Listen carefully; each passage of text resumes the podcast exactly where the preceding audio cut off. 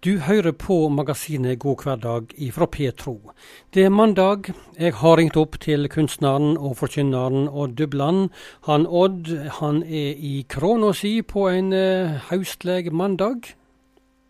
Ja, god dag, god dag, Inge. Jeg sitter her i krona mi på Ålgård. Jeg bor i ei blokk midt der som kjøpesenteret er, så jeg har det veldig sentralt. Ja, ei blokk. Ja, Er det ei blokk med masse folk, eller noen ja, få? Ja, jeg tror iallfall det er kanskje ja, Nå vet jeg ikke nøyaktig, men en 80 leiligheter lurer på om det ikke er.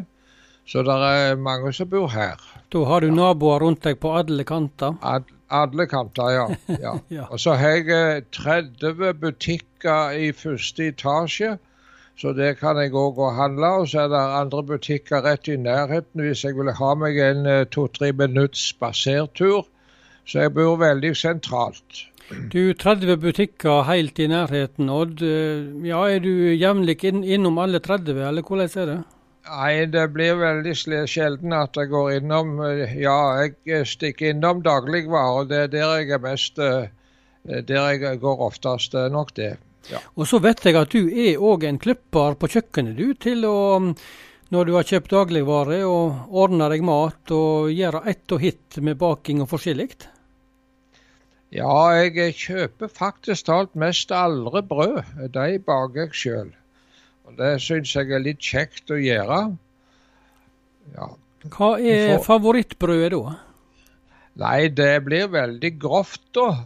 Så grovt så det går an å få det til i grunnen. Så det må henge sammen, da. Og så Jo, altså, jeg, eh, jeg kan ikke ta den oppskrifta her på radioen. Det kan jeg ikke gjøre. Men, men, men brødbaking, og det er noe du holder på med hele livet, eller? Nei, det er det ikke, altså. Men eh, jeg kom alene her. Jeg, jeg mistet jo kona for mest seks år siden, og jeg bor alene. og kunne sikkert vært frista til å gå og kjøpe alt bare ferdig, men så er det liksom litt trivelig på litt bakelukt i stua eller i kjøkken. Ja, ikke ja. sant. Ikke sant. Ja. ja, ja. Du, eh, når jeg ringte deg opp eh, før sending i dag, eh, så sa du at eh, jeg har en engel som alltid har fulgt meg. Eh, det sa du. Og hva engel tenker du på da? Ja, altså, det er jo en metafor, et bilde som jeg bruker. Men jeg har eh, en engel som har fulgt meg hele livet. Han kommer på besøk til meg eh, fremdeles, rett som det er. Og han kan komme hva tid som helst. Han kommer kanskje òg om kvelden når jeg har lagt meg. Og denne engelen han holder meg vaken av og til. Og jeg er ikke alltid så voldsomt glad for at han kommer heller. Jaha, nå lurer jeg på hvor du vil hen. Ja, Nei, jeg, jeg har gitt han et navn. Jaha. Og i Bibelen så blir det fortalt om at denne engelen besøkte kongen David. Og Paulus kjente til han. Og de fleste mennesker har hatt besøk av han. Og Dette er jo et billedspråk jeg bruker, og navnet hans, det er Anger. Det er anger du tenkte på, ja, altså? Ja. Jaha, du må utdype litt her. Ja, anger. Du angrer på noe. Eller du treger på noe. Det er òg et uttrykk vi kan bruke. Og kan en spørre har en hatt besøk av den? Men, eh, men en engel, ja, er angeren en engel for oss? Ja, la meg først si det slik at det er, er anger det stikker mye dypere enn det å ergre seg over noe.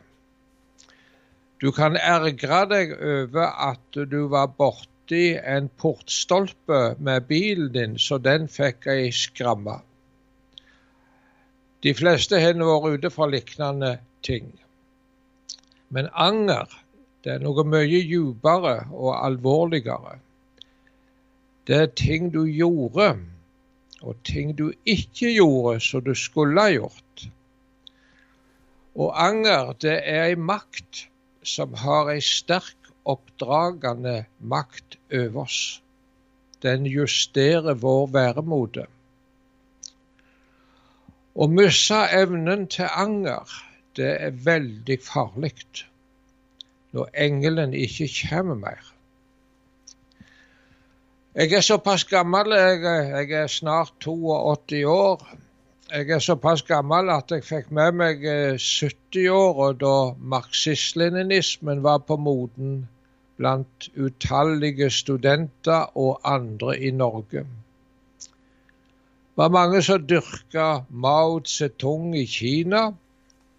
Noen så stort på Stalin. Og det var de som forsvarte Pol Pot i Kambodsja. Og jeg husker det at det var kristne foreldre som var fylte av bekymring for barna sine og ungdommen som hadde rota seg borti denne marxist-leninismen.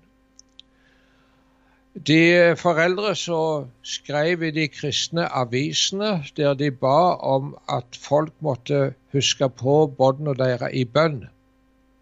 For det var åndskrefter som var ute og gikk. Det tror jeg òg det var. Det var rent uhyggelige ting. Og mange av de som var mange av var grepne av denne politiske galskapen, kom senere inn i politiske parti i Norge. Nå har det kommet for dagen, og har vært for så vidt klart veldig lenge, hvem denne Mao og denne Stalin og denne Pol Pot var. Det var de verste massemordere som verden har sett. F.eks. Mao Zedong han bevisst led 25 millioner bønder i Kina svelte i hjel. Stalin sine offer kunne telles i mange millioner. Du har hørt om Gulag, du Inge? Ja, stemmer. Le leirene. Ja. Og Pol Pot i Kambodsja han eh, sto for kanskje en million drept, han òg. Og blant annet så alle som gikk med briller, kom i faresonen for han. For han med, eller de regna med at de som gikk med briller, kunne lese. Da skulle de vekk. Så har jeg tenkt på det, er det noen av disse som dyrker disse massemorderne i vårt land, som angrer på at de gjorde det? Ja, hva har du funnet ut her? Ja, En av de norske marxist-leninistene han ble senere spurt om det. Det var på TV. Nå skal jeg være så skånslig at jeg skal ikke si navnet på han. De spurte han om han angra på at han hadde dyrka Mao Zedong, eller trodde så svært på han. Nei, ordet anger, det var fremmed for han, sa denne karen. For anger, sa han, det er noe religiøst. Ja, slik så han på det. Så det ville han ikke ha noe med å gjøre. Så han mm. angra ingenting. Ja, jeg får bare si stakkars mann. Jeg så en annen gammel mann på fjernsynet en gang som hadde vært frontkjemper på østfronten og deltatt i grusomme ting. Ja, hvordan eh, hadde han det etterpå? Ja, Han ble spurt om han angra på det. Nei, det gjorde han ikke. Det sa han på norsk TV. Stakkars gamle mann. Og jeg vil si det slik at selv er den som kjenner til angeren. Men jeg vet en plass jeg kan gå med det. Men, men hvorfor er angeren eh, viktig? Jo, den justerer vårt liv. Den, den, er en ubehagelig ting. Så du vil unngå å komme i den situasjonen. Men jeg vet en plass jeg kan gå med det. Og det er da? Hvor er det? Ja, ja, det er til Kristus, det.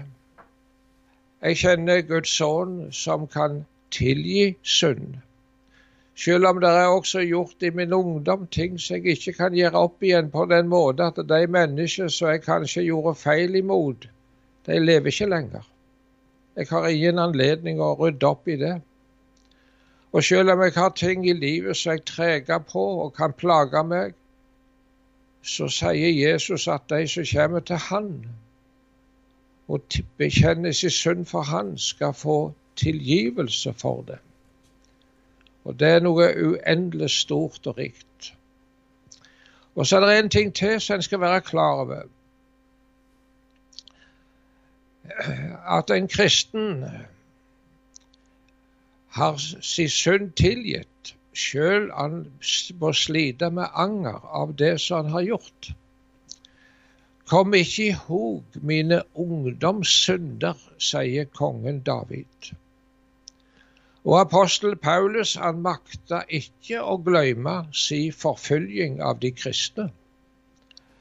Hele livet sleit han med dette forferdelige minnet som han hadde forårsaka ved å true de til å spotte og ta livet av de kristne. Men han var, han var tilgitt likevel?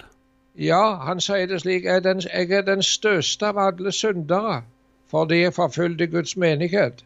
Han kjente på angeren, men han var tilgitt av Gud. Hm. Og så står det skrevet slik i et La meg ta med det ordet til slutt.